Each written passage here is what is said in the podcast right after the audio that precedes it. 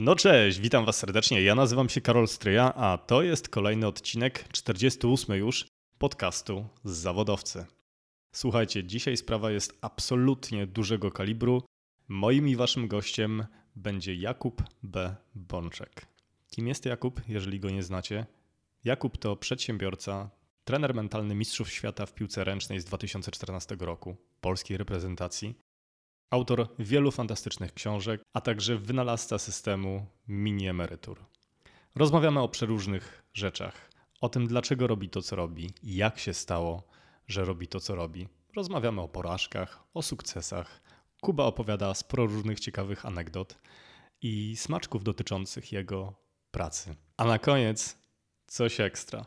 Słuchajcie, jeżeli nie wiecie, Jakub jest również podcasterem. Prowadzi swój autorski podcast dotyczący rozwoju osobistego w aplikacji Storytel. Mało tego, w najnowszej rozmowie możecie posłuchać mojej dyskusji z Jakubem na temat rynku podcastów w Polsce. Zapraszam Was serdecznie, wejdźcie na www.storytel.pl i wypróbujcie Storytel, a nuż przypadnie Wam do gustu. Wszystkiego dobrego, do usłyszenia.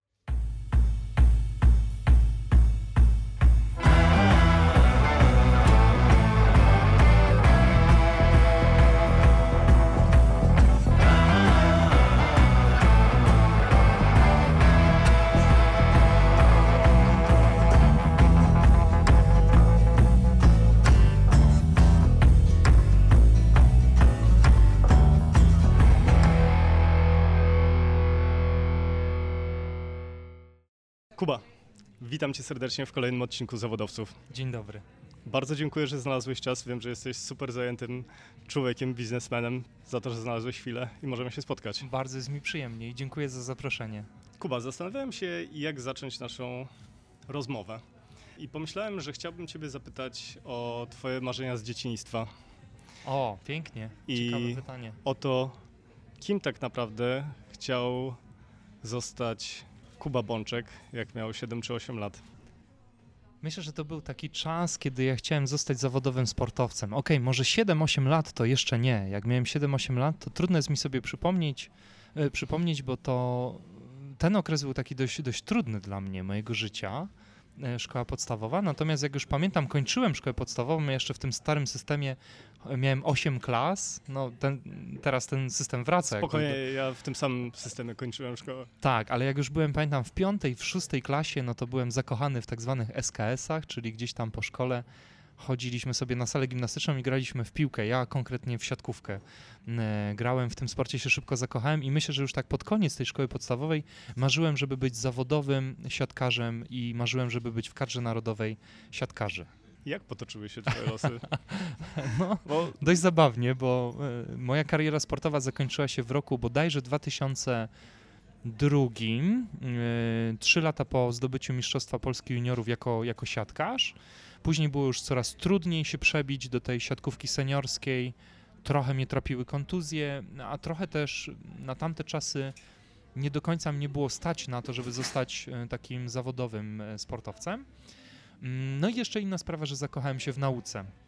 O, Zakochałem się w nauce, tak. Zacząłem coraz częściej myśleć o sobie jako o człowieku, który będzie wykładał na uczelni, a coraz rzadziej myśleć o sobie jako o człowieku, który będzie zawodowym sportowcem. I chyba mocniejszą grawitację miała nauka e, na tamten okres. Ale historia zatoczyła pewne koło i po 15 latach ja wróciłem do dużego sportu, takiego nawet bardzo dużego, i stałem się kimś w rodzaju doradcy sportowców, no i do dzisiaj pracuję z takim e, sportowcem na najwyższej światowej półce jako trener mentalny. no dobrze, ale do tego jeszcze e, przejdziemy. Wiesz, zawodowcy powstali również po to, żeby odpowiadać e, i podpowiadać ludziom, którzy na przykład nie wiedzą, co ze sobą Mhm. zrobić, nie wiedzą, jaki mają wybrać zawód. Chciałbym w zawodowcach odnajdywać odpowiedź na pytanie, dlaczego ludzie robią to, co robią. I jeżeli moglibyśmy się zastanowić na Twoim przykładzie, jeżeli mógłbyś się podzielić właśnie tą Twoją drogą, jaką przeszedłeś do momentu, w którym jesteśmy teraz. Powiedziałeś sam, że po tym etapie sportowym, Tak. kiedy byłeś e, siatkarzem. Tak, tak. Przyszedł etap nauki. Przyszedł etap nauki. Mm. Opowiesz coś o tym? Tak, no ja właśnie nie wiem, czy ja będę dobrym przykładem, dlatego że ja mam mniej więcej co 5 lat pomysł na nowego siebie i, Mhm. i nie walczę z tym. Jakby zaakceptowałem, że tak jest, że ja lubię zmianę, lubię zmienność e, i w przeciwieństwie do wielu osób, które mnie otaczają, ta zmiana jest dla mnie czymś bardzo pozytywnym. I po tym etapie bycia sportowcem przez około 5 lat sportowcem zawodowym, Później przez około 5 lat najsilniejszą grawitację na mnie miała nauka, doktorat i to, że chciałem wykładać na uczelni, co się zresztą wydarzyło. Mhm. No ale później po kolejnych pięciu A latach. skończyłeś ekonomię, zarządzanie, czy... Nie, ja skończyłem e, pedagogikę, skończyłem wychowanie fizyczne i studiowałem filozofię jeszcze. Mhm. Te, te, w tych trzech kierunkach jakby podążała moja ówczesna psychika. Mm, y, Natomiast później wciągnął mnie biznes, kiedy założyłem swoją firmę, pierwszą, i ona odniosła dość szybko y, niezłe rezultaty. y, No to na chyba dłuższy czas niż 5 lat wciągnęły mnie właśnie kwestie przedsiębiorczości biznesu. I one do dzisiaj są obecne. No ale potem miałem kolejny jeszcze etap, i to był taki etap podróży, gdzie zacząłem podróżować jak Mhm. szaleniec po 20-25 urlopów rocznie. Napisałem też o tym książkę. Y, I teraz jest taki etap, gdzie słuchaj. 25 mini emerytur. Tak, 25 mini emerytur to był właśnie, to była książka, która tak naprawdę była pisana w trakcie tych moich wyjazdów. To był przełom roku 2017 i 18, nie, przepraszam, 2016 i 17 i w tym okresie zrobiłem 25 różnych wyjazdów zagranicznych. No i tak powstawała ta książka przez rok. A teraz jest już taki etap, że podróże mnie ciut znudziły, Mhm. ciut nuży mnie już przedsiębiorczość. Do sportu już raczej nie wrócę, bo to już nie jest ten czas, do zawodowego przynajmniej. Mhm. Em, No a jeśli chodzi o naukę, to też tutaj widzę szereg takich instytucjonalnych barier, a nawet odważę się użyć słowa patologii. I do tego świata też raczej nie chcę wracać. Nauka, podobnie jak wszystkie inne dziedziny, będzie, wydaje mi się, przeżywała bardzo mocne osłabienie w, w pewnych obszarach. Coś w tym jest, tak. Ty, ty pewnie też to widzisz. No, ja, ja widzę, że jest bardzo dużo ego w polskiej nauce, jest Mhm. bardzo dużo hierarchizacji, jest masa nepotyzmu i myślę sobie, że coraz mniej jest takich ludzi, którzy robią to, bo to kochają, jak kiedyś profesor Wetuliani świętej pamięci. On po prostu kochał studentów, kochał Mhm. swoją dziedzinę. On wychodził do tych studentów, bo był takim idealistą, że coś im przekaże. Wydaje mi się, że teraz jest mniej takich wykładowców na uczelni, że to jest po prostu zawód, który się wykonuje, a że nie jest jakoś specjalnie dobrze opłacany, to też pewnie w tych ludziach jest dużo frustracji. Nie czuję, żebym tam e, dzisiaj chciał iść w tą stronę. A z drugiej strony uniwersytet nie ma monopolu na wiedzę już. Coraz y, częściej przegrywa z nowymi technologiami, coraz częściej jest y, obiema nogami w starym systemie, zamiast być jedną tu, jedną tu. No i coraz częściej y, ludzie mają kłopot z absorpcją tego, co się wydarza tutaj obecnie, Mhm. więc trzymają się starej szkoły i tej starej szkoły próbują nauczyć milenialsów, którzy żyją już w zupełnie innym świecie. Ostatnio rozmawiałem z e, moim kolegą podcasterem, z Piotrkiem Peszko, który zajmuje się e-learningiem i ten e-learning rozwija. I powiedziałem mu, wiesz co Piotrek, wreszcie chyba zrozumiałem, dlaczego ten e-learning będzie tak ważny w przyszłości. Mm. Bo wszystko się zmienia. To sposób, w jaki konsumujemy media Mm. i tak samo no, sposób, w jaki się uczymy. No zdecydowanie i myślę sobie, że jest dużym zagrożeniem i ryzykiem, że uczymy nadal na uczelniach rzeczy napisane, pisanych, przepraszam, w latach 80., a nawet 90. No choćby w biznesie. Do dzisiaj słynna jest książka Wywieranie wpływu na ludzi Roberta Cialdiniego. Klasyka. No i wszystko super. Tylko, że te metody dzisiaj już trącą myszką i przez wielu młodych ludzi, którzy są na rynku biznesowym, one na kilometr po prostu pachną manipulacją.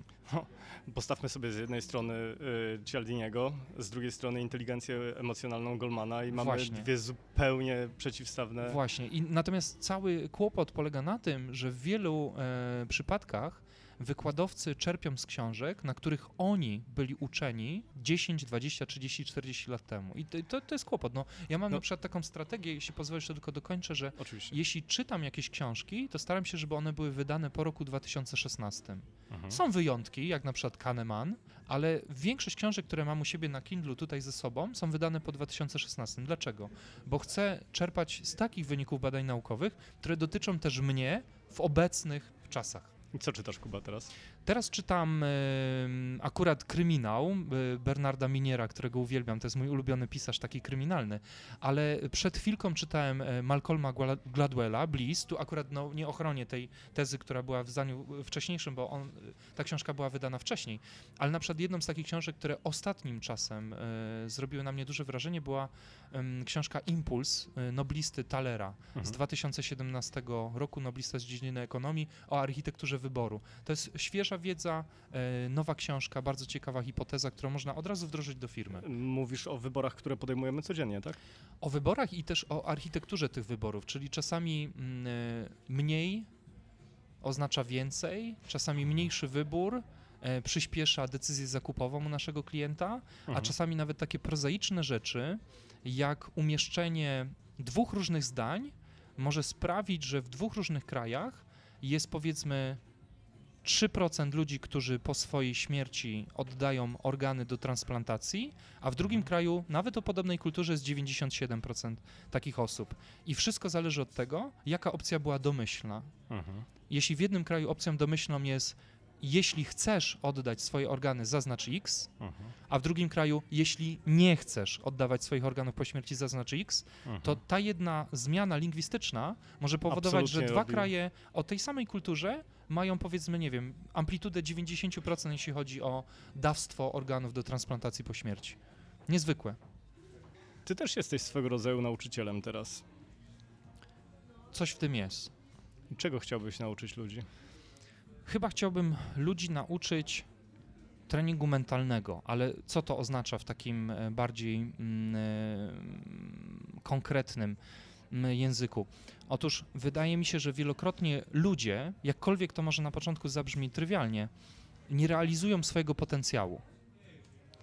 I chciałbym pogłębioną wiedzą, nie taką zbanalizowaną, która też na rynku pewnie jest dostępna, ale taką pogłębioną wiedzę, nauczyć ludzi, że mają zasoby mentalne, które mogą sprawić, że oni będą mieli progres, a nie tylko progres w kierunku takich materialnych rzeczy typu lepsza firma, mhm. ale również progres w kontekście jakości życia. Że to się zaczyna od głowy. Tego, tego chciałbym ludzi nauczyć. Mam nawet taki cytat: Marzenia się nie spełniają, marzenia się spełnia. Miałem Ciebie zapytać właśnie. Tak, i, i chcę tym cytatem podkreślić, że jeśli Ty pragniesz jakiejś zmiany w Twoim życiu, to pewnie czekanie na fuksa albo na to, że ktoś zrobi to za Ciebie, nie jest najlepszą strategią. No dobrze, a jak to przełożyć na takie, wiesz, realne życie nasze? No, wierzę, że kiedy człowiek uczy się wewnątrz sterowności, kiedy człowiek podnosi trochę. Wewnątrz sterowność, czyli umiejętność. Wewnątrz sterowności tak, że ośrodek decyzyjny na temat mojego życia jest przede wszystkim wewnątrz mojego ciała, mhm. nie na zewnątrz, bo my, my, mamy taką, powiedziałbym, takie wyparcie, albo nazywając to kolokwialnie wymów kozę, że biznes nie idzie, bo podatki za wysokie, bo może zła polityka, bo być może urodziłem się w złym kraju. Szukamy powodów na zewnątrz. Tak, i ja myślę, że zamiast szukać rozwiązań, my szukamy wymówek. Mhm. Ale przecież są ludzie, którzy w tym kraju, przy tej polityce i przy tych podatkach potrafią robić biznes. I ja wierzę, że wewnątrz sterowność to cenna umiejętność, kiedy my potrafimy, czerpiąc z zasobów wewnętrznych, zmieniać sytuację, która nas uwiera. Mhm. Że mamy dużo większy wpływ na swoje życie, niż wielu Polaków uważa i komunikuje. Jasne. I czego jeszcze musimy się nauczyć? Chciałbym ludzi uczyć i myślę, że robię to, szczególnie w sporcie, jak mieć podobną efektywność jak dotychczas, mhm. ale przy dużo mniejszym stresie i niepokoju. Bo to, co widzę w kontekście wzrostu ilości depresji, liczby ludzi, którzy czują codziennie niepokój, którzy są zestresowani, którzy są w pośpiechu, w porównywaniu się, to mnie przeraża, a z drugiej strony daje podstawę do tego, żebym wierzył, iż moje firmy mhm. idą w kierunku, gdzie będzie duże zapotrzebowanie. I myślę sobie, że żyjemy dzisiaj w takich czasach, że jeśli nie będziemy potrafili konsumować umiejętności miękkich i uczyć się umiejętności miękkich, uh -huh. to nawet najwyższy stopień wiedzy i absorpcji tej wiedzy, którą za chwilę da nam technologia, nie sprawi, że będziemy szczęśliwsi. Wiesz, to yy, uśmiecham się pod nosem, bo przypominam sobie rozmowę, którą ostatnio odbyłem z yy, Przemkiem Chojeckim. Przemek Chojecki jest e, człowiekiem, który zajmuje się yy, komputerami kwantowymi. Okej. Okay. I dyskutowaliśmy na, również na tematy związane z przyszłością, z zawodami, informatykami. I wiesz co powiedział Przemek? Przemek powiedział, że na końcu zostaną tylko i wyłącznie humaniści. Humaniści. I to było dla mnie naprawdę y, coś niesamowicie zaskakującego, Mhm. bo zawsze mi się wydawało, że zostaną ci, którzy będą umieli programować, którzy będą mieli umiejętności techniczne i tak dalej, a okazuje się, że humaniści mają gigantyczną przewagę nad Czyli zamiast B2B, H2H, human to human. Ja, ja myślę, że to powoli się już dzieje, tylko tak, tak jak zazwyczaj. Jest mainstream, jest Aha. alternatywa. Myślę, że obecnie w mainstreamie jest technologizacja, pęd na rozwój, pęd na sztuczną inteligencję, na nano- nanorobotykę i tak dalej. To jest mainstream. Natomiast chatboty. tak, boty, absolutnie. Natomiast alternatywa jest taka, że coraz więcej też ludzi przebudza się do takiego bardziej świadomego życia, do mindfulness, do jogi, do, nie wiem, nasion chia, spiruliny i tak dalej, i tak dalej. Mało tego, wydaje mi się, że nie, ma lep- nie było lepszych czasów, żeby to robić, bo zobacz, że możesz być orędownikiem uprawiania akrojogi, Mhm. Y, zdrowo się odżywiać i prowadzić swoje małe 30-metrowe y, studio gdzieś tam w centrum Oczywiście. któregoś miasta i Oczywiście. z wykorzystaniem internetu możesz to komunikować całkowicie za darmo Czemu by tego nie połączyć, prawda? i zebrać 100 czy 200 osób, które będą twoimi wiernymi klientami. Tak. Zobacz, no paradoks jest taki, że w badaniach, które czytałem niedawno, niestety tu nie przytoczę autora, ale być może gdzieś tam w przypisach e, dodamy, badania wskazywały, że jedna trzecia badanych oczywiście respondentów Amerykanów zaznacza, że nie ma satysfakcji ze swojego życia. To jest 100 milionów ludzi na jeden kraj. E, I teraz zobacz, z drugiej strony, równolegle do tego, nigdy jeszcze nie podróżowaliśmy tak tanio jak teraz. Nigdy jeszcze nie było takiej wolności słowa jak teraz. Mimo tego, że oczywiście są tu kontrowersje, my tą wolność słowa na świecie globalnie mamy. Nigdy jeszcze nie było ta, e, takiej możliwości, żeby mieć tyle różnych zawodów, nawet takie zawody, które powstają z miesiąca na miesiąc. Nigdy nie było takiego podłączenia do internetu. I teraz tak, z jednej strony wszystko mamy, paradoks jest taki, coraz więcej ludzi żyje nieszczęśliwie. I, I to jest coś takiego, co budzi moją troskę, moje takie głębokie zastanowienie, czy można korzystać z tego, co jest, nawet zgodzić się na to, że chcę sukces taki materialistyczny, ale w tym niebalansie odnaleźć balans.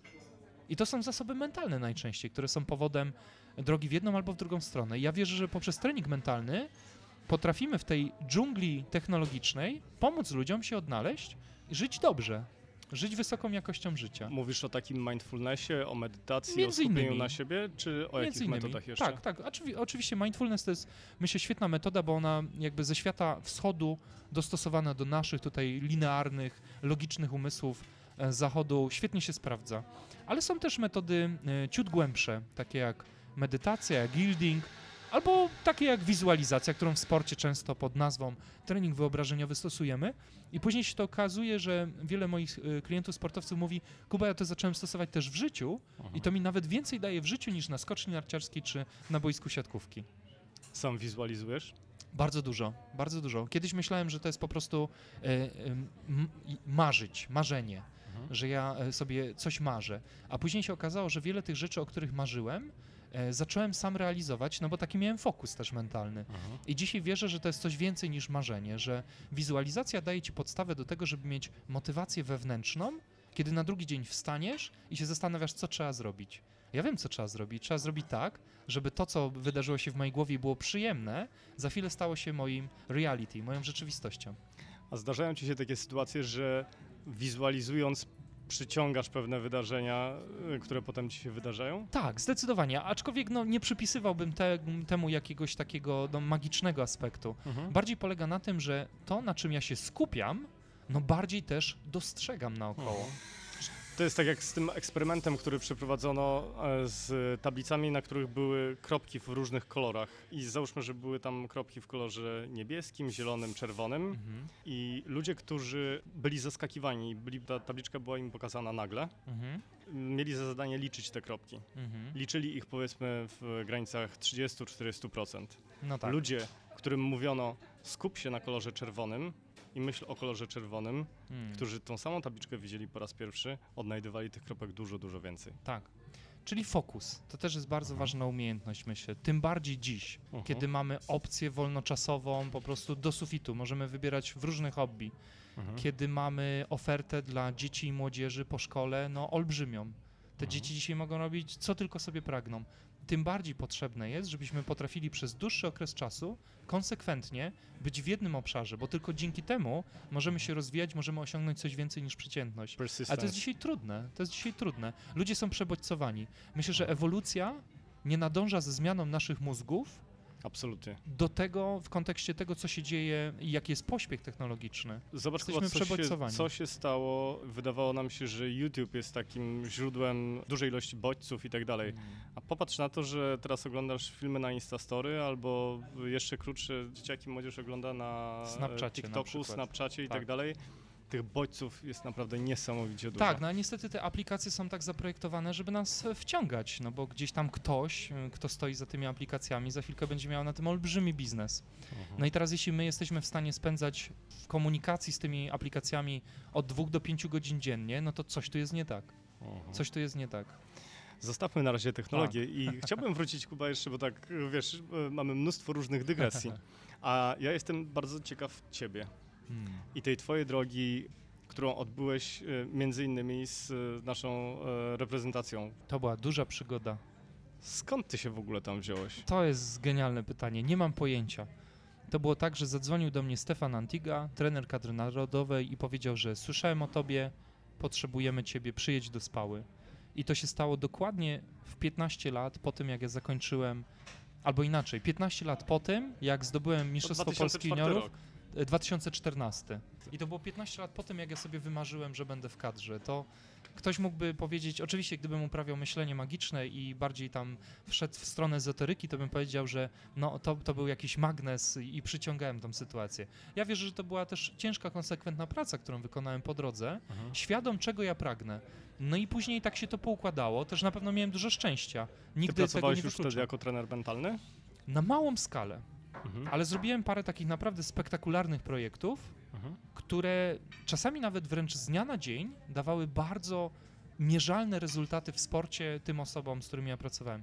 I Stefan Antiga gdzieś o mnie ze usłyszał. sportowcami po prostu, Tak, tak? on gdzieś o mnie usłyszał i powiedział, potrzebujemy ciebie w kadrze, bo nasi siatkarze w głowie mają taki pomysł, że nie da się ograć Brazylii. Wyjmij im to z głowy. Taki, takie było moje zadanie. Opowiesz o tym? No nie wszystko mogę powiedzieć, bo Oczywiście. to oczywiście są dyskretne tematy, ale moje zadanie w dużym uproszczeniu polegało na tym, żeby przygotować psychicznie polskich siatkarzy i trenera Antigę do tego, żebyśmy mogli zrobić coś spektakularnego, coś największego w naszym życiu na tamte czasy. No i faktycznie po 40 latach tyle trzeba było czekać w Polsce i w polskiej siatkówce zdobyliśmy tytuł mistrzów świata, cię pokonując, drążył. pokonując Brazylię Bo dwa uciekasz. razy. Trochę uciekam? Okej, co ja z nimi robiłem, tak? To Tak. cię interesuje. Wiesz co, nie, na tyle, na ile możesz, e, Kuba, opowiedzieć. Jasne. To tak bez nazwisk. Bez nazwisk, No. ale chodzi, wiesz, o, bo na pewno udało ci się złamać jakieś takie, wiesz, bariery w e, sposobie myślenia i tak dalej. Tak. Jeżeli mógłbyś opowiedzieć Tak, tak, tak. dokładnie, bez nazwisk, bez jakichś Jasne. wchodzenia w szczegóły, ale Było kilka kierunków. Jeden z tych kierunków to była lingwistyka, czyli ja zastanawiałem się, w jaki sposób chłopaki komunikują to, co robią. Bo Jeśli na przykład ktoś komunikuje, będzie ciężko, to jest trudny zespół, oni są silni i cały czas to powtarza lingwistycznie, to jest duża szansa, że za słowami, które on wypowiada, idą myśli. A jeśli te myśli są takie, że będzie ciężko, no to jest duża szansa, że później na przykład ten zawodnik zostanie zablokowany i nawet nie ma poczucia winy, no bo przecież no jest ciężko, nie moja wina, Mhm. tamci są dobrzy. No ale to właśnie jest zewnątrz sterowność. Bo wtedy zawodnik wierzy, że on może zagrać tak, jak mu pozwala Brazylia. A ja mówiłem, nie, panowie, my możemy zagrać tak, jak marzymy, żebyśmy zagrali i jak potrafimy. Brazylia i to, kto jest po drugiej stronie siatki, nie ma dla mnie żadnego znaczenia. Zagrajmy swoje i tam się tylko będą zmieniać twarze. Nie zwracajcie na nie uwagi. a pamiętasz swój, e, swoje pierwsze spotkanie z reprezentacją? Pamiętam, nie było łatwe. Ciekaw jestem Pojechałem tego. do Spały i trochę jak intrus Mhm. wszedłem do grupy, która już była w miarę zżyta. Nie ma nic bardziej intymnego jak praca z głową. Właśnie, w miarę zintegrowana i tu nagle Stefan Antiga mówi, tu jest Kuba Bączek, on jest y, odpowiedzialny za psychikę, macie go słuchać. Więc to wejście nie było łatwe. Był sceptycyzm, była obawa, kim jest ten Kuba Bączek, co on będzie robił, czy za chwilę nie każe nam tu śpiewać piosenek, chwytać się za ręce nie będzie pytał o mamę i o dzieciństwo. Oni mieli dużo obaw. Ale od kapitana zaczynając, wtedy był nim Michał Winiarski, po kolejnych zawodników oni zaczynali widzieć, że ja faktycznie jestem kimś bardziej w rodzaju partnera, kolegi z zespołu, kolegi z kadry, a nie jakiegoś tam autorytetu czy mentora. No i stopniowo, krok po kroku zaczęli się zwierzać, Mówić o swoich problemach, o swoich lękach, stresie, kłopotach. I jak zaczyna się taką pracę? Zaczyna się pracę e, od Zaczynałem spotkań jeden na jeden? Właśnie nie. Zaczynałem grupą, żeby pokazać, co robię, co mogę, a czego nie mogę, żeby też Mhm. nie składać jakichś obietnic bez, pod, bez pokrycia. Powiedziałem, że potrafię y, pomóc im w obniżeniu stresu, zwiększeniu koncentracji, że będę im zwracał uwagę na to, jakim językiem się posługują, jak myślą, że będę dużo pracował ze Stefanem Antigą, który kieruje tym zespołem i powiedziałem, sesje są dobrowolne, nikt nie musi do mnie przychodzić. Mhm. I to był dobry ruch, bo oni uznali, że skoro nikt ich nie naciska i to jest wybór, no to oni to kontrolują. Mhm. A kiedy wierzyli, że oni to kontrolują, to mi potem nie sabotowali tej pracy. Albo sabotowali trochę mniej. Natomiast potrzebowałem trochę czasu. Myślę, że około dwóch tygodni potrzebowałem, żeby oni mi zaufali. To, to było dla mnie wyzwanie. day by day, tak? Tak, to wtedy mieszkałem w Spale razem z Mhm. nimi i na zgrupowaniu mieszkałem z nimi właściwie codziennie. Stałem się, e, co też było nietypowe, e, członkiem sztabu szkoleniowego. Zazwyczaj s- w Polsce jest tak, że zaprasza się psychologa na weekend, on coś robi i się go wywala. Mhm. Znaczy w sensie on wyjeżdża, Tak, tak, tak. E, Niekiedy w pozytywnym nastroju, niekiedy w negatywnym. Przeróżne historie słyszałem, ale chyba nie chcę o tym mówić.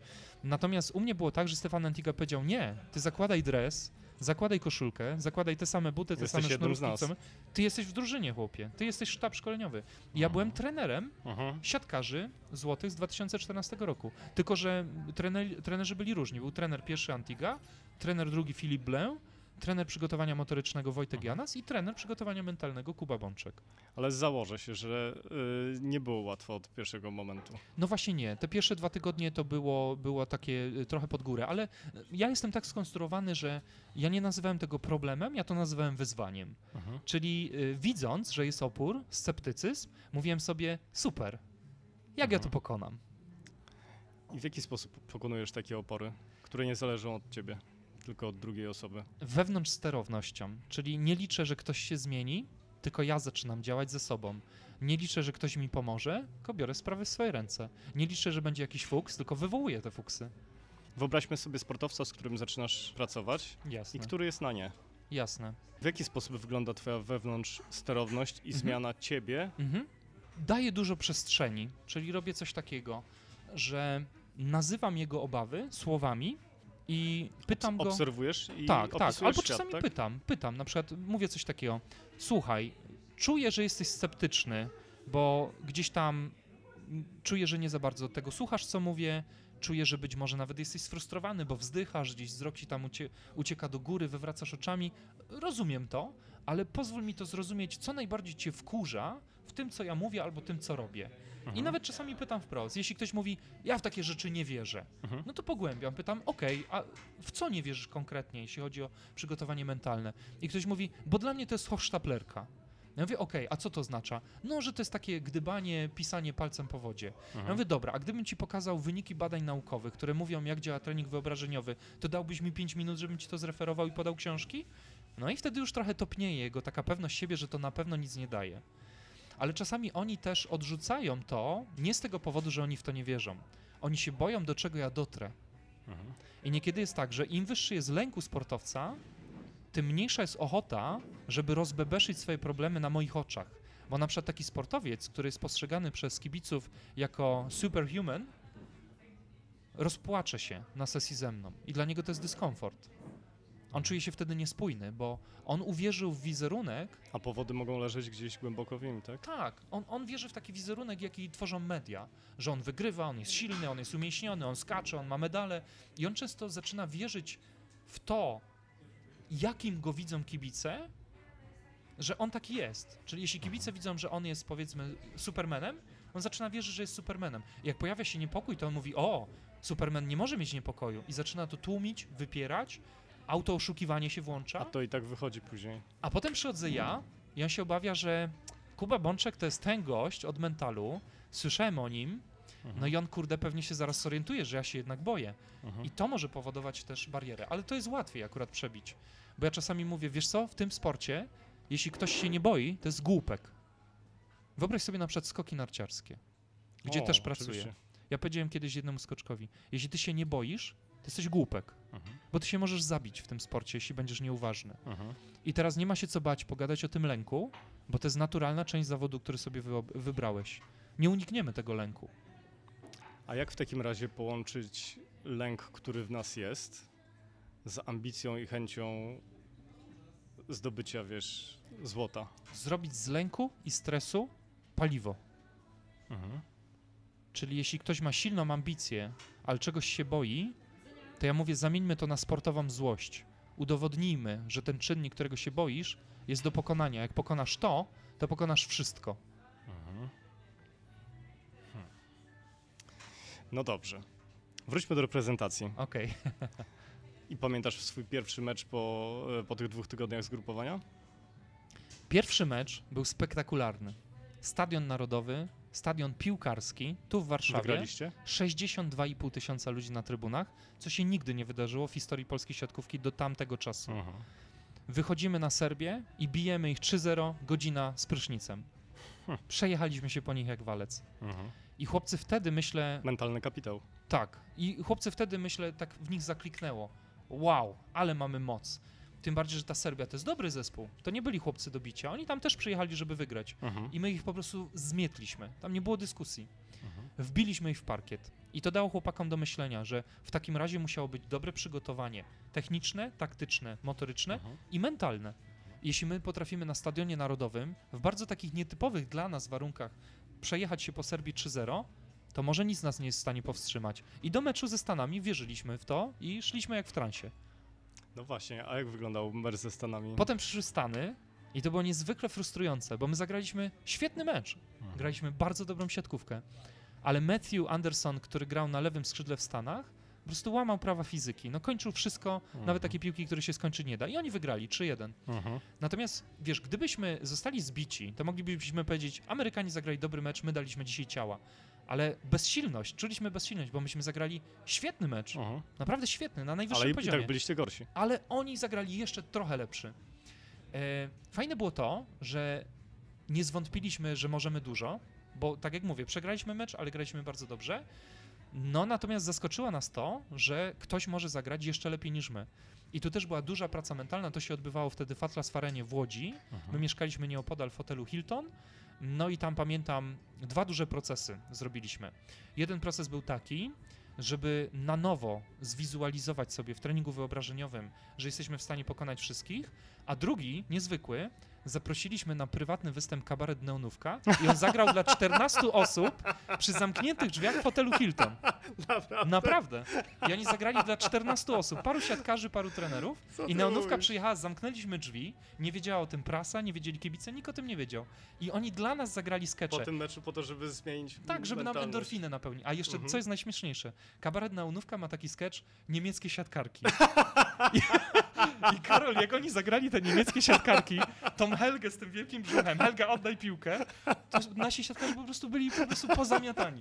Pozami oni tam pospadali pod stoliki, nie?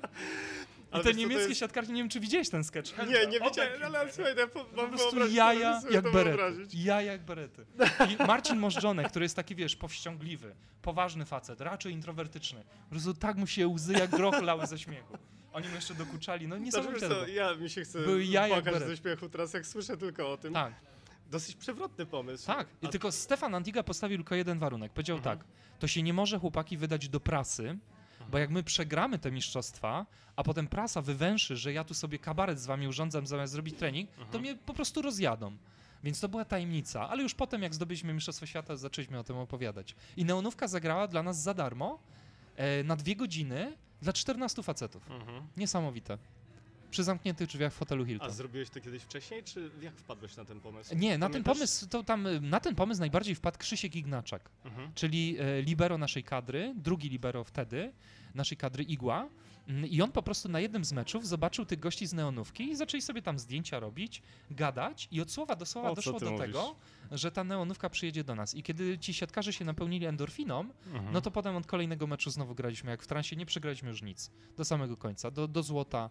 Nikt nas już nie dotknął. Mhm. Psychicznie przypuszczam, że na wtedy byliśmy praktycznie nie do pokonania. Niesamowite. Mm. Oczywiście nie chcę, żeby to zabrzmiało arogancko, Nie, no, nie, ale, nie, oczywiście. ale wierzę, że nasz kształt psychiki był taki, którego no, polska siatkówka przez ostatnie 40 lat nie, nie miała. wiesz, na to jest e, bardzo wiele czynników. Oczywiście. Na to się składa. Masa. Ludzie, sytuacja. Masa. e, Czasami też fuks, to też gra nam w Oczywiście. sporcie.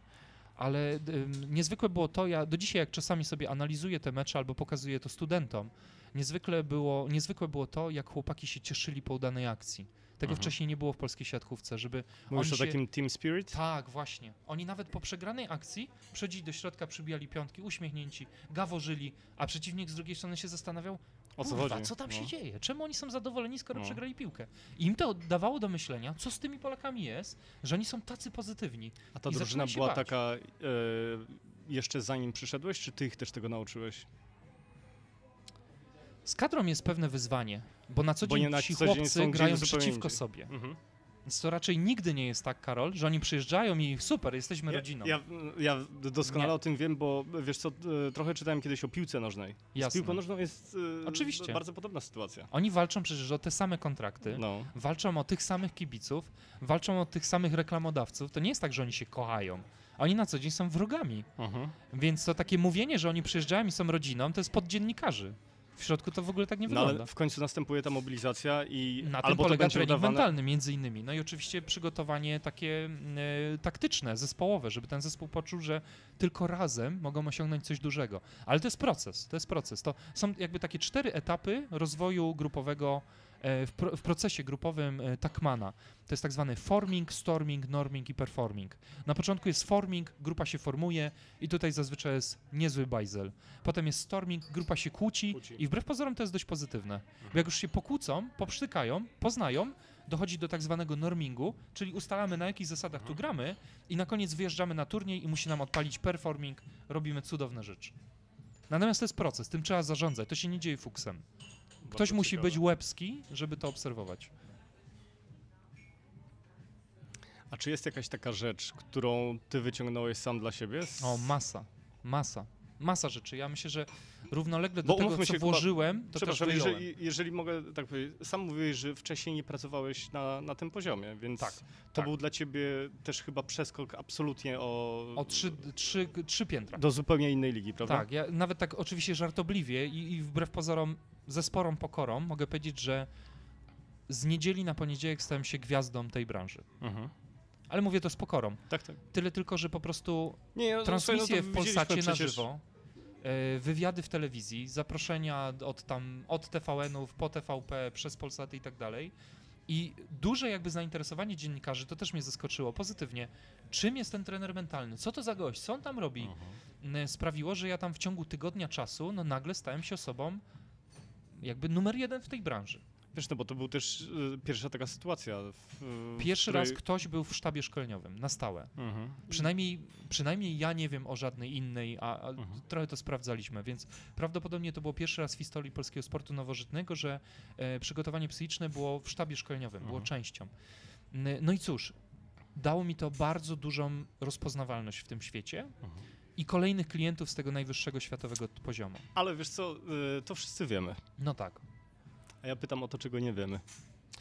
Co mi to dało? No dało mi to jeszcze większą taką moc sprawczą. To, to na pewno jest, wiesz, wielki wiatr y, w skrzydła, bo kiedy robisz coś takiego, że dosłownie stajesz się mistrzem świata, dosłownie, bo ja wiem, że kolokwialnie tak się mówi, no pan to jest mistrz świata, natomiast kiedy dosłownie stajesz się mistrzem świata, trafiasz jakby do jakiejś tam encyklopedii sportowej i masz, wiesz, rządową emeryturę, to nagle ci przychodzi do głowy, że kurczę, coś w tobie musi być, bo to nie jest przypadek, że, że, że ktoś cię bierze do kadry. I to nie dotyczy tylko mnie, to dotyczy wszystkich tych chłopaków.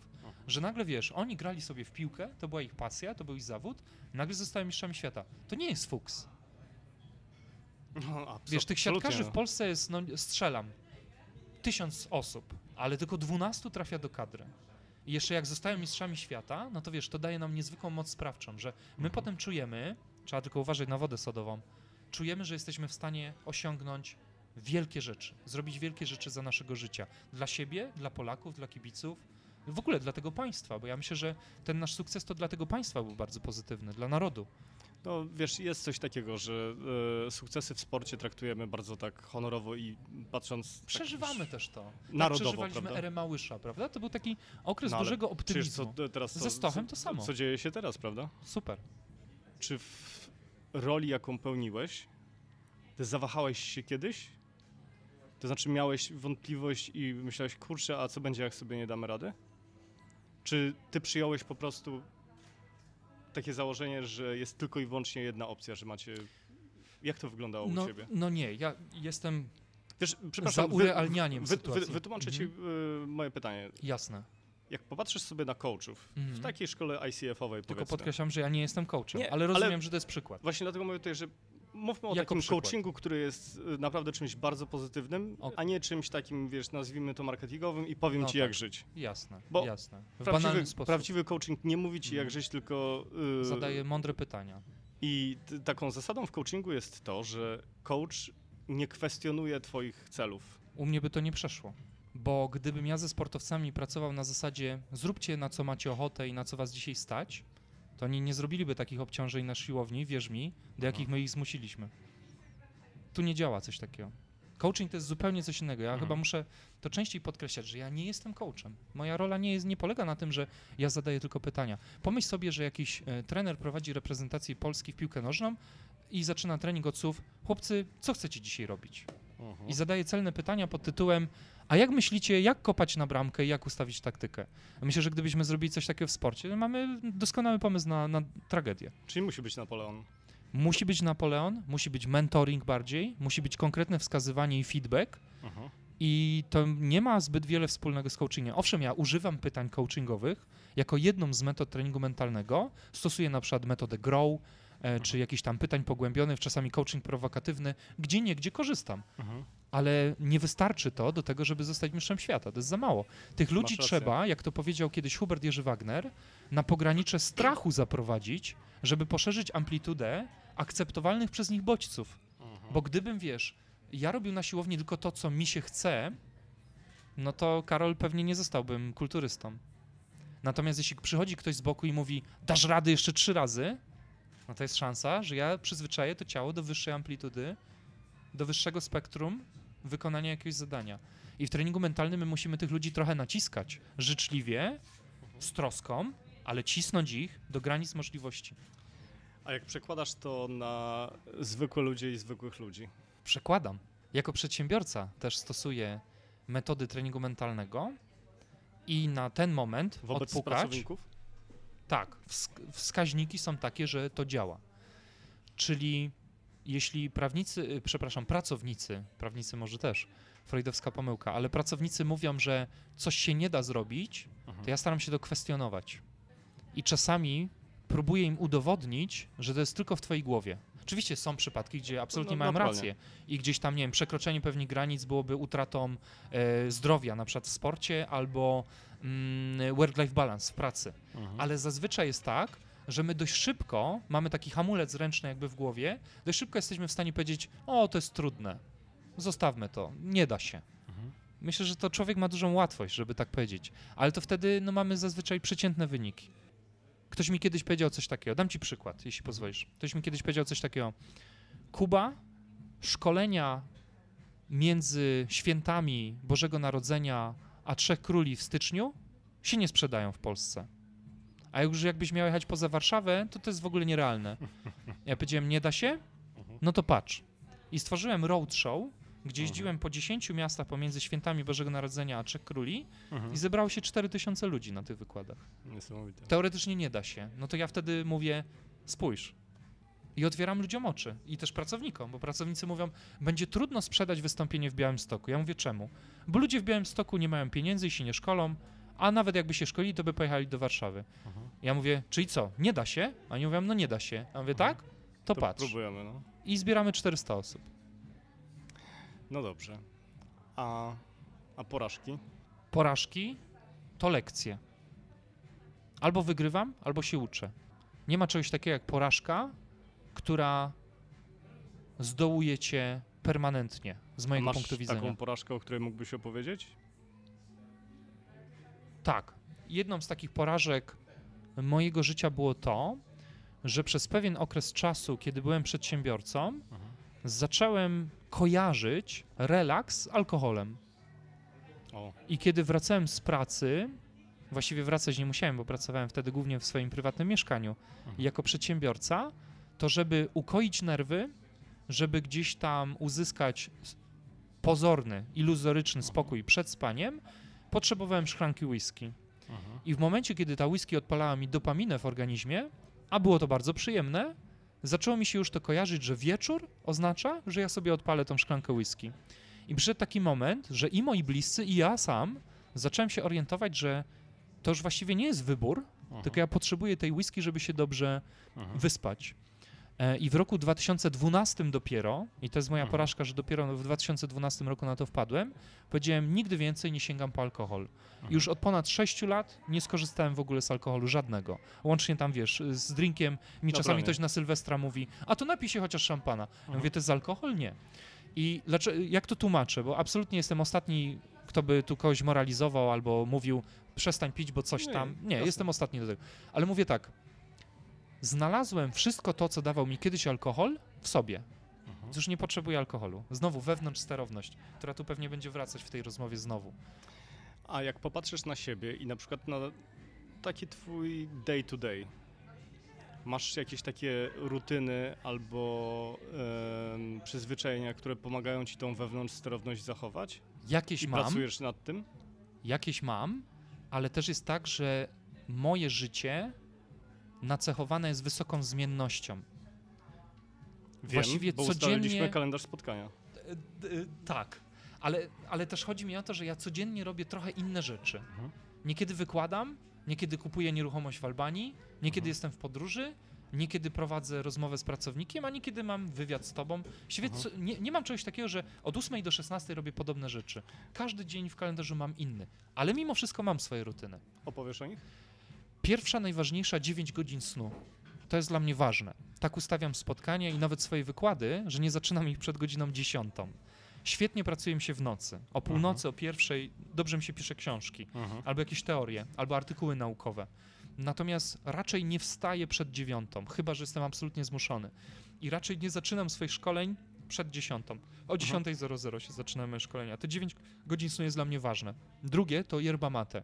Nie piję kawy, ale piję yerba mate, która też ma kofeinę, ale z tych badań, do których ja dotarłem, wynika, że jest dużo zdrowsza. I faktycznie mi energia uwalnia się przez długi okres czasu.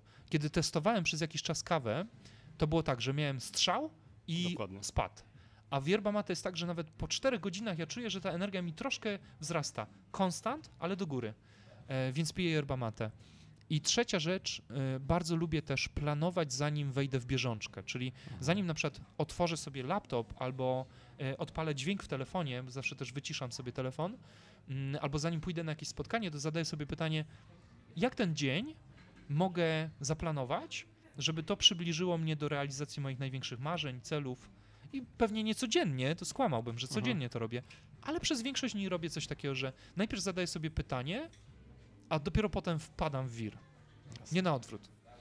E, Wspominałeś o twoim roadshow, które, które przeprowadziłeś i mówisz o 4000 y, ludzi, którzy przyszli Mm, po to, żeby posłuchać ciebie i ludzi, których zapraszałeś y, również na te spotkania.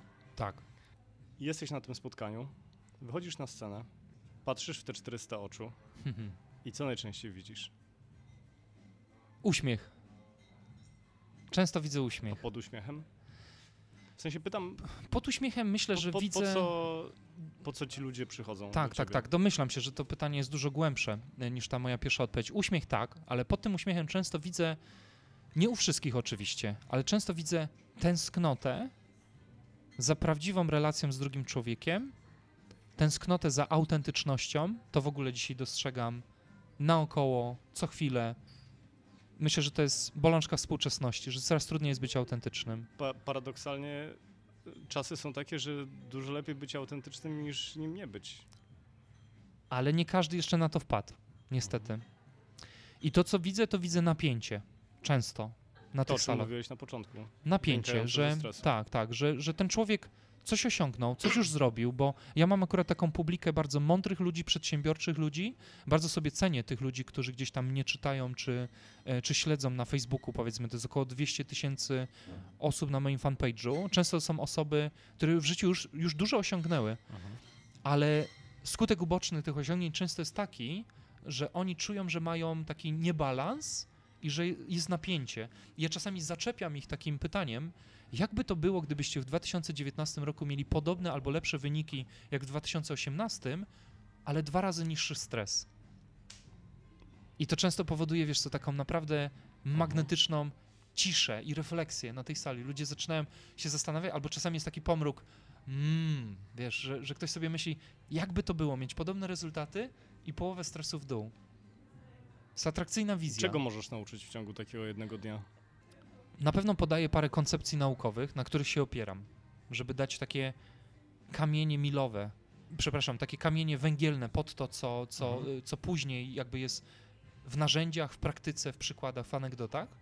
N- I na pewno staram się dać taką inspirację do tego, żeby właśnie wziąć życie w swoje ręce. Używam tego cytatu. Marzenia się nie spełniają, marzenia się spełnia, że ja nie zmienię twojego życia, ja skończę ten wykład, pojadę w swoje życie, ty zostaniesz swoim. I czasami mówię coś takiego, że paradoksalnie najlepszy trener mentalny dla ciebie dzisiaj sobie usiadł na twoim krześle, patrz jaki zbieg okoliczności. Mhm. Ludzie się wtedy uśmiechają i tłumaczę im, że mają mentalne zasoby do tego, żeby poprowadzić swoje życie w taką stronę, w którą oni marzą, żeby to życie poszło i temu, co naprawdę ważne, dać priorytet. Na przykład relacjom, zdrowiu, wewnętrznemu spokoju, dać temu większy priorytet. Uczę ich, jak to robić. I to działa. To, co mnie kręci, Karol, to to działa, że oczywiście nie wszyscy, ale wielu e, moich słuchaczy, czy klientów, czy czytelników nawet pisze po jakimś czasie i mówi, ten pana wykład otworzył mi oczy, albo że ja zacząłem coś innego robić, albo na przykład skasowałem Facebooka w telefonie po tym pana wykładzie i już nie mam powiadomień. I jestem panu wdzięczny, bo na przykład mam teraz lepszy kontakt z dzieckiem. Wiesz co, muszę ci pogratulować, bo akurat byłem na jednym z y, twoich wystąpień na y, World Business Experience. Okej, na Gary Garym Wein- Wajnerczuku. Tak.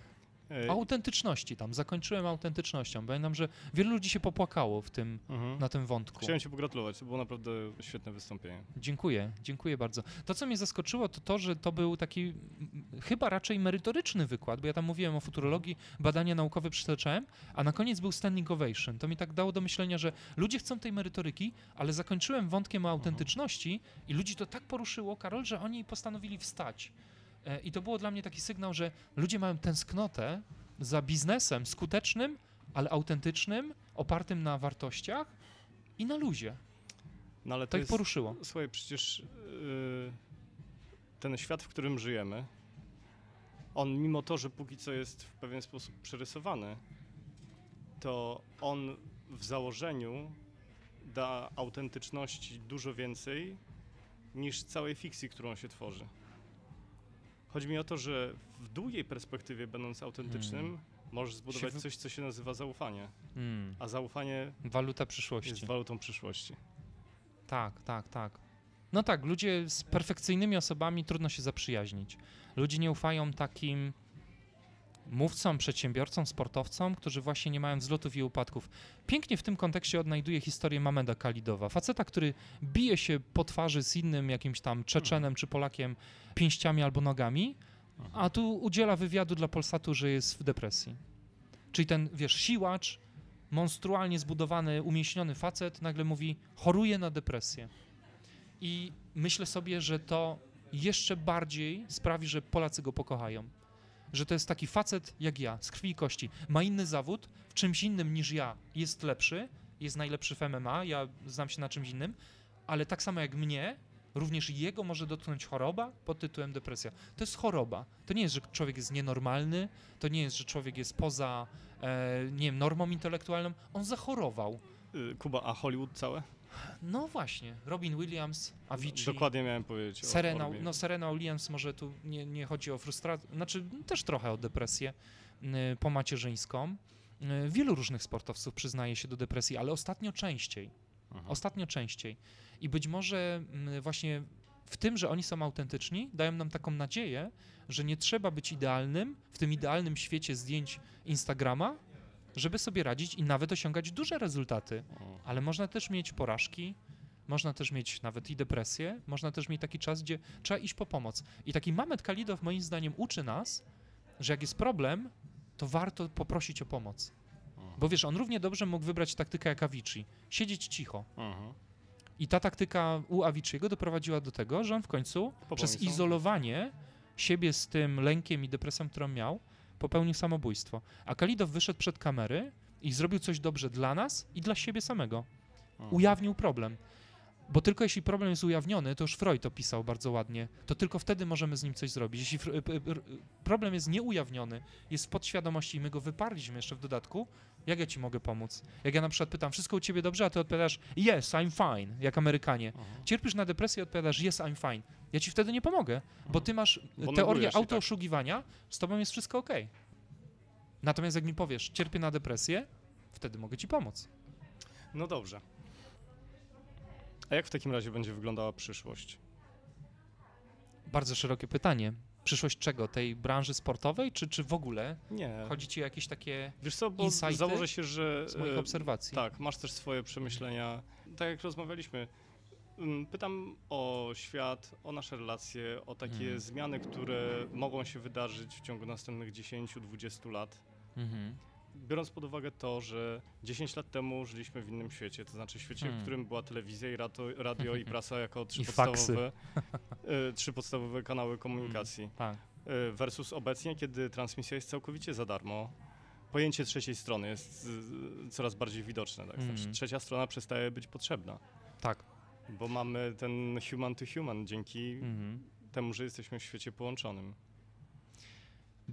Mam taką troskę i obawę, chyba nawet odważę się użyć tego słowa, że ludziom będzie coraz trudniej odnaleźć sens. Sens swojego życia.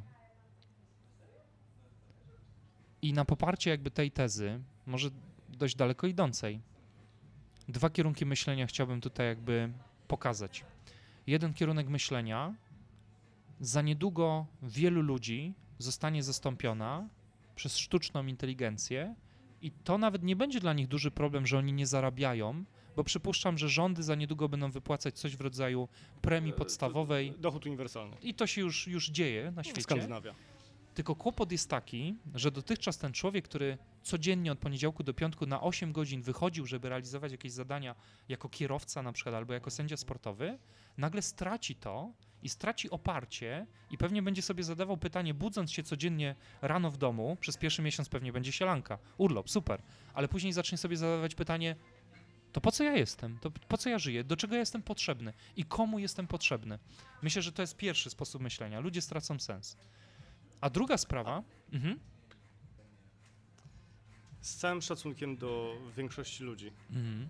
Ale czy myślisz, że teraz 90% ludzi, którzy żyją, zadaje sobie to pytanie? Powiedziałeś, Mhm. kiedy powiedziałeś o poczuciu sensu, Mhm. dla mnie to nie jest związane tylko i wyłącznie z tym, co zrobię o godzinie 8 codziennie. Wiem, ale dla wielu ludzi jednak praca jest jakimś kierunkiem myślenia, że po to jestem, do tego jestem przydatny.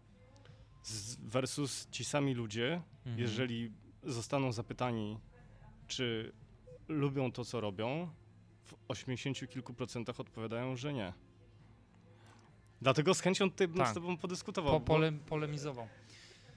Ja myślę sobie No, tak, W sensie że nie kwestionuję tego, co Nie, mówisz, tylko jasne. sam zastanawiam się, jakie są możliwe scenariusze. równolegle bo- mamy różne obserwacje Mhm. i myślę sobie, że to nie jest tak, że one są sprzeczne ze sobą. Owszem, pewnie wielu ludzi robi coś, co nie sprawia im frajdy, ale przez pracę się definiują. Myślę, że wielokrotnie jakbyś, jakbyś zrobił taką ankietę, przypuszczam, na ulicy i zapytał, pytanie, co pan się... robi, kim pan jest, to myślę, że ktoś by powiedział, ja jestem Tak. górnikiem, No, ja taksówkarzem, a ja tam podcasterem. Jest, myślę, duża szansa, że oni by tak odpowiedzieli. Nie, nie, nie, przypuszczam, że niewiele osób by odpowiedziało na przykład, nie wiem, jestem wolnoduchem albo wegetarianinem. Absolutnie. Raczej by szukali jakiejś takiej łatki, etykietki, którą też społeczeństwo nam trochę narzuca. Kultura, narodowość, Aha. wiara i tak dalej. E, I teraz myślę sobie, że jeśli to ludziom zostanie odebrane, to oni troszkę jakby kawałek swojej tożsamości utracą.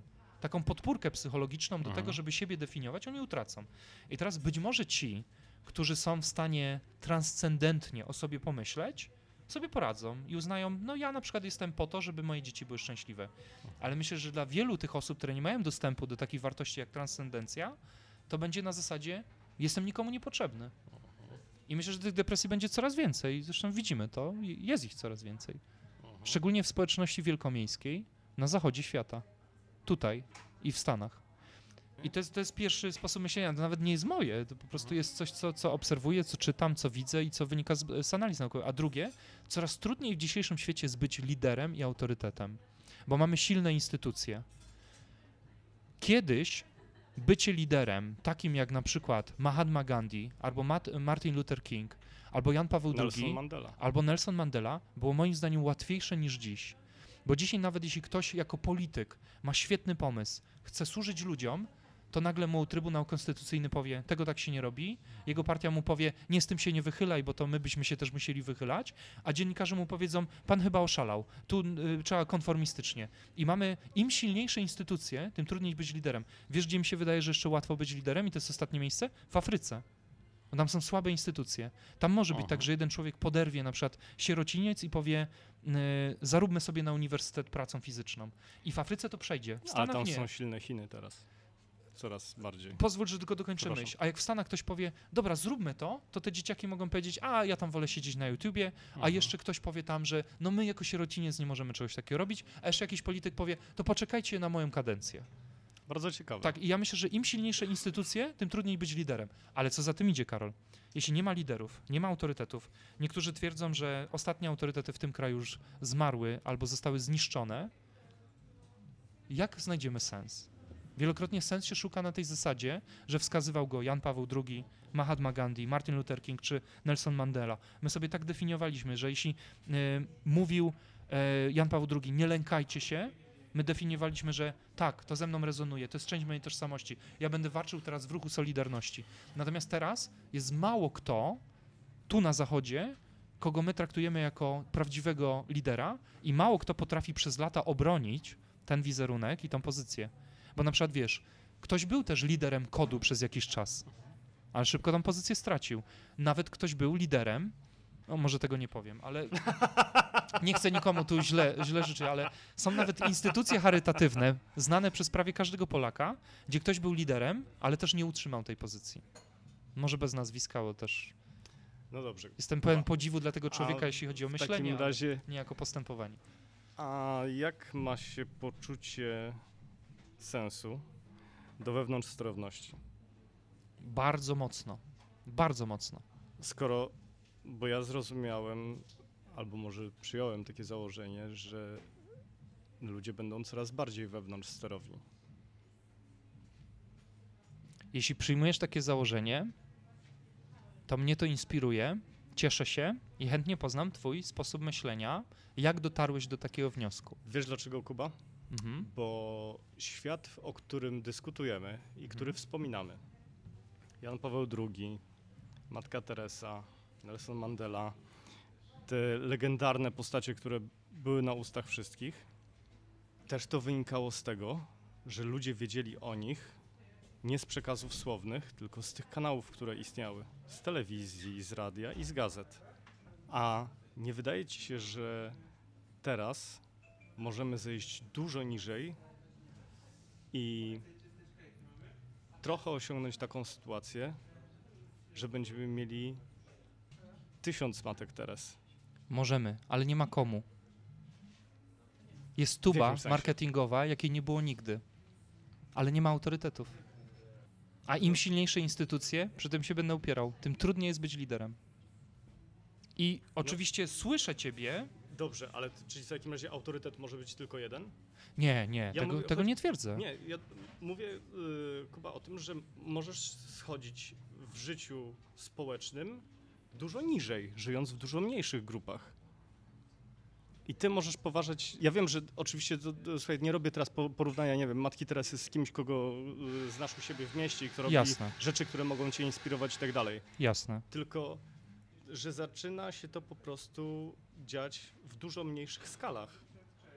Ale Czyli mówisz, że jest więcej liderów, tak? Tak, I autorytetów, tylko że na mniejszą zo- skalę. Zobacz coś, co zrobił trzeci sektor y, cały. Mhm. wszystkie fundacje, które s- są dotowane i tak dalej. I nawiążę tutaj do, do tej myśli, którą ty powiedziałeś, Mhm. bo ja znowu czytałem bardzo ciekawy Mhm. y, artykuł i to, to jest nawiązanie do eksperymentu, który z dochodem uniwersalnym robią kraje skandynawskie. Tak jest. I doszło do sytuacji takiej, że ludzie przestali pracować. I wiesz, co zaczęli robić? Tworzyć. Hmm. I chciałem się ciebie zapytać, Kuba, bo y, ja jestem Ciekawe. zwolennikiem bardzo psychologii pozytywnej. Okej. I Czyli jak zapytałem Seligmana ciebie o tą lubisz. przyszłość, Mhm. to ciekaw byłem i trochę byłem zaskoczony, bo prawie bym sobie dał e, rękę uciąć, że powiesz mi o samych pozytywach. Że będę hura optymistą. Tak. Mhm. Tak, ja A też czy- czytuję Seligmana, lubię jego koncepcję, lubię badania dotyczące szczęścia, też kawałek pracy Daniela Kahnemana na temat szczęścia, e, acz jestem bardzo urealniony też w tym wszystkim. Czyli Nie, jakby, nie, słuchaj, tak, to co nie- ja subiektywnie czuję, to jest jedno, to co obserwuję na zewnątrz, jest coś innego. Nie mam takiej iluzji obiektywizmu, że to, co Karol się wydarza ze mną, jest ogólnospołeczne, że to jest prawda. To jest moja prawda, subiektywna, ale to by była Mhm. iluzja, gdybym ja myślał, że każdy Polak myśli podobnie jak ja. I, i raczej, Y, Ale nie, nie, mam dużą troskę, ja nie, że- Ja nie mówię o tym, że każdy, no tak, broń, broń Boże, ale mówię, że tych, tych takich, wiesz, małych wspólnot Mhm. albo ludzi, którzy y, podziwiają... Słuchaj, przykład. aha, YouTuber, który ma 3000 obserwujących. Czyli niedużo. No, bardzo niedużo. Mirek Brunejko, którego serdecznie y, pozdrawiamy tutaj. On zaczął tworzyć swojego vloga, zaczął mówić o tym, co robi w życiu, w biznesie, jak eksperymentuje i tak dalej. Z tego co pamiętam, miał chyba 3000 y, obserwujących na YouTubie i powiedział pewnego dnia, słuchajcie, wiecie co, mam tyle tych pomysłów, może mi pomożecie Okej, i założę Patronite'a. no tak, Jak uzbieram 3000, to zaryzykuję. Okej. W ciągu tygodnia, mając 3000 obserwujących, yy, Kuba zebrał 8000. Okej. I mówię o tym, że taki Mirek Brunejko, którego też byłem przez, yy, przez jakiś czas yy, patronem, serdecznie Cię Mirku pozdrawiamy, jest kimś mega ważnym Mhm. dla, Dla małej tej grupy grupy. ludzi. Mhm, Okej. Dzięki i ta grupa, Mhm. dzięki niemu wdraża zmiany, zmienia swoje życie na mniejszą skalę i tak dalej. Przyjmuję to, o czym mówisz i nie porównuję Mirka Burnejki do Matki Teresy, czy do kogoś yy, No jasne, absolutnie jasne. legendarnego. Jasne. Ale Hmm. mówię o takim, nazwijmy to, role modelu na dużo mniejszą skalę. Dla dużo mniejszej garstki Tak. osób. I myślę, że te obie myśli, one równolegle są sensowne, wiesz, że być może leadership jest teraz na inną skalę niż to było kiedyś. I być może też to przebodźcowanie i dostęp do przeróżnych ludzi na Instagramie, na Facebooku, na YouTubie doprowadza do tego, że nie ma może pojedynczych liderów, którzy inspirowaliby 3 czwarte narodu, ale takich liderów, którzy inspirują parę tysięcy ludzi jest parę milionów. Tylko ja nie jestem pewny, czy to jest zjawisko dobre. Bo jeśli chodzi na przykład o globalne ocieplenie, co może zrobić ten twój kolega Brunejko? Czy jeśli dobrze mówię nazwisko? Tak, tak. Na pewno coś, tak. Nie, nie, nie, chcę tu go urazić. Na pewno robi bardzo sensowną, fajną robotę. Zapoznam się z jego twórczością. Ale myślę, że do tego, żeby coś zmienić w kontekście globalnego ocieplenia, my, Karol, potrzebujemy kogoś, kto jest w stanie poruszyć naszą wyobraźnię od Bangkoku do Nowego Jorku. I boję się, że nie zrobimy tego ludźmi, którzy mają 3000 followersów. No i widzisz, ja z chęcią z tobą bym dyskutował na Ty ten masz temat. inaczej, okej. Wiesz Hmm. dlaczego, Kuba? Bo zobacz, że wszystko Mm. się absolutnie zmienia.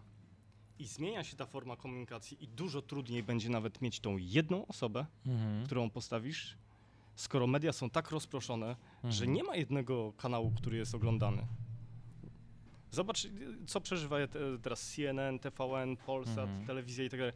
Dlaczego telewizja polska uruchomiła program, którym szczyci się, że robi niesamowite wyniki w oglądalności? Y, Słyszałeś o tym?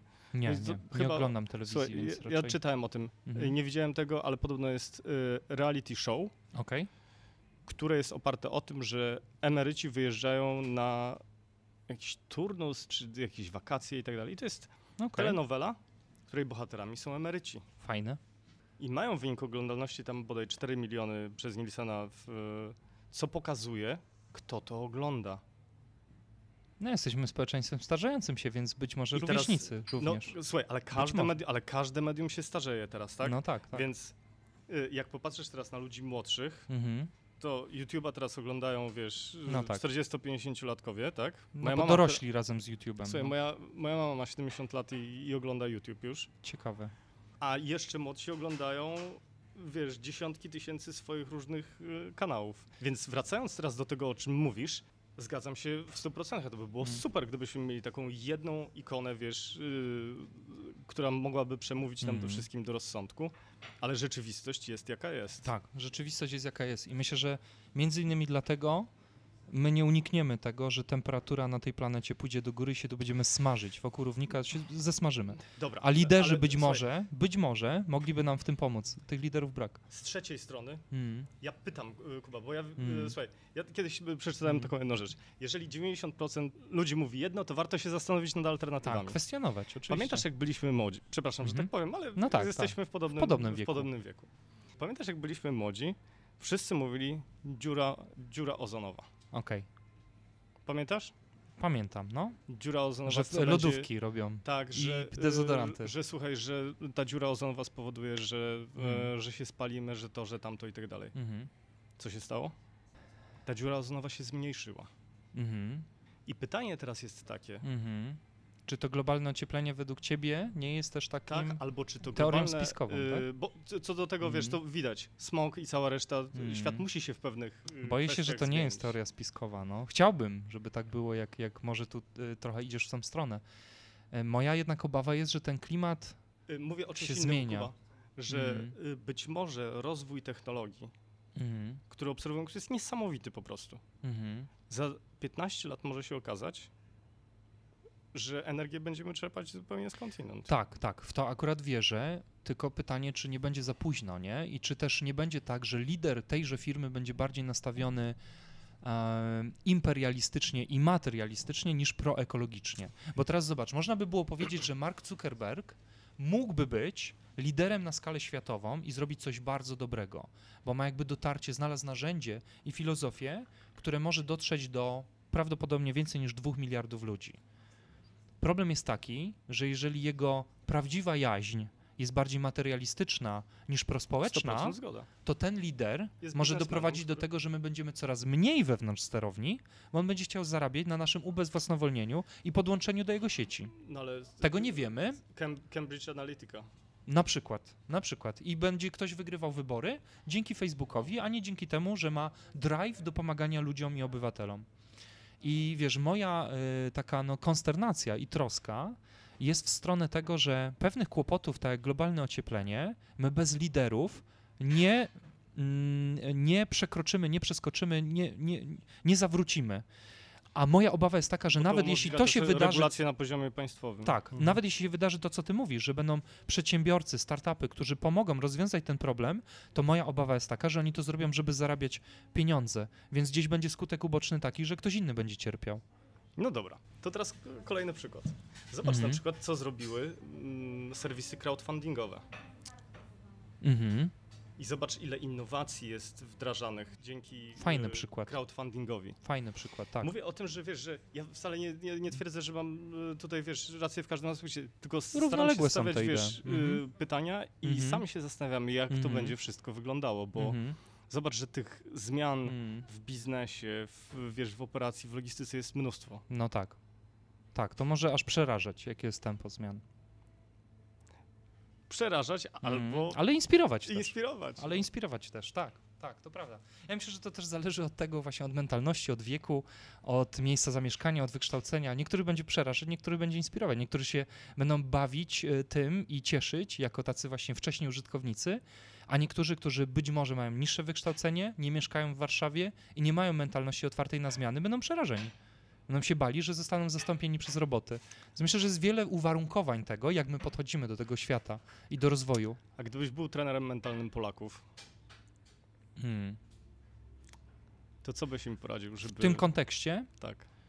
otwartość, elastyczność, rezyliencję i wewnątrzsterowność.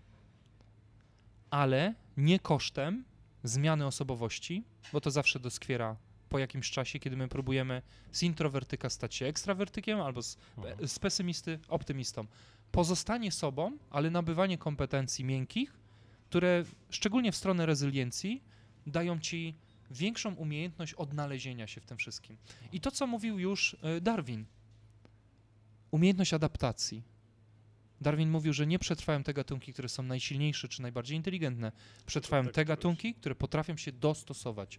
Jeśli będziemy mieli silną umiejętność adaptacji, a tego też da się uczyć, to myślę sobie, że poradzimy sobie z niższym lękiem niż średnia. Z tym, co się będzie działo. Albo nawet z ochotą do tego, co się dzieje.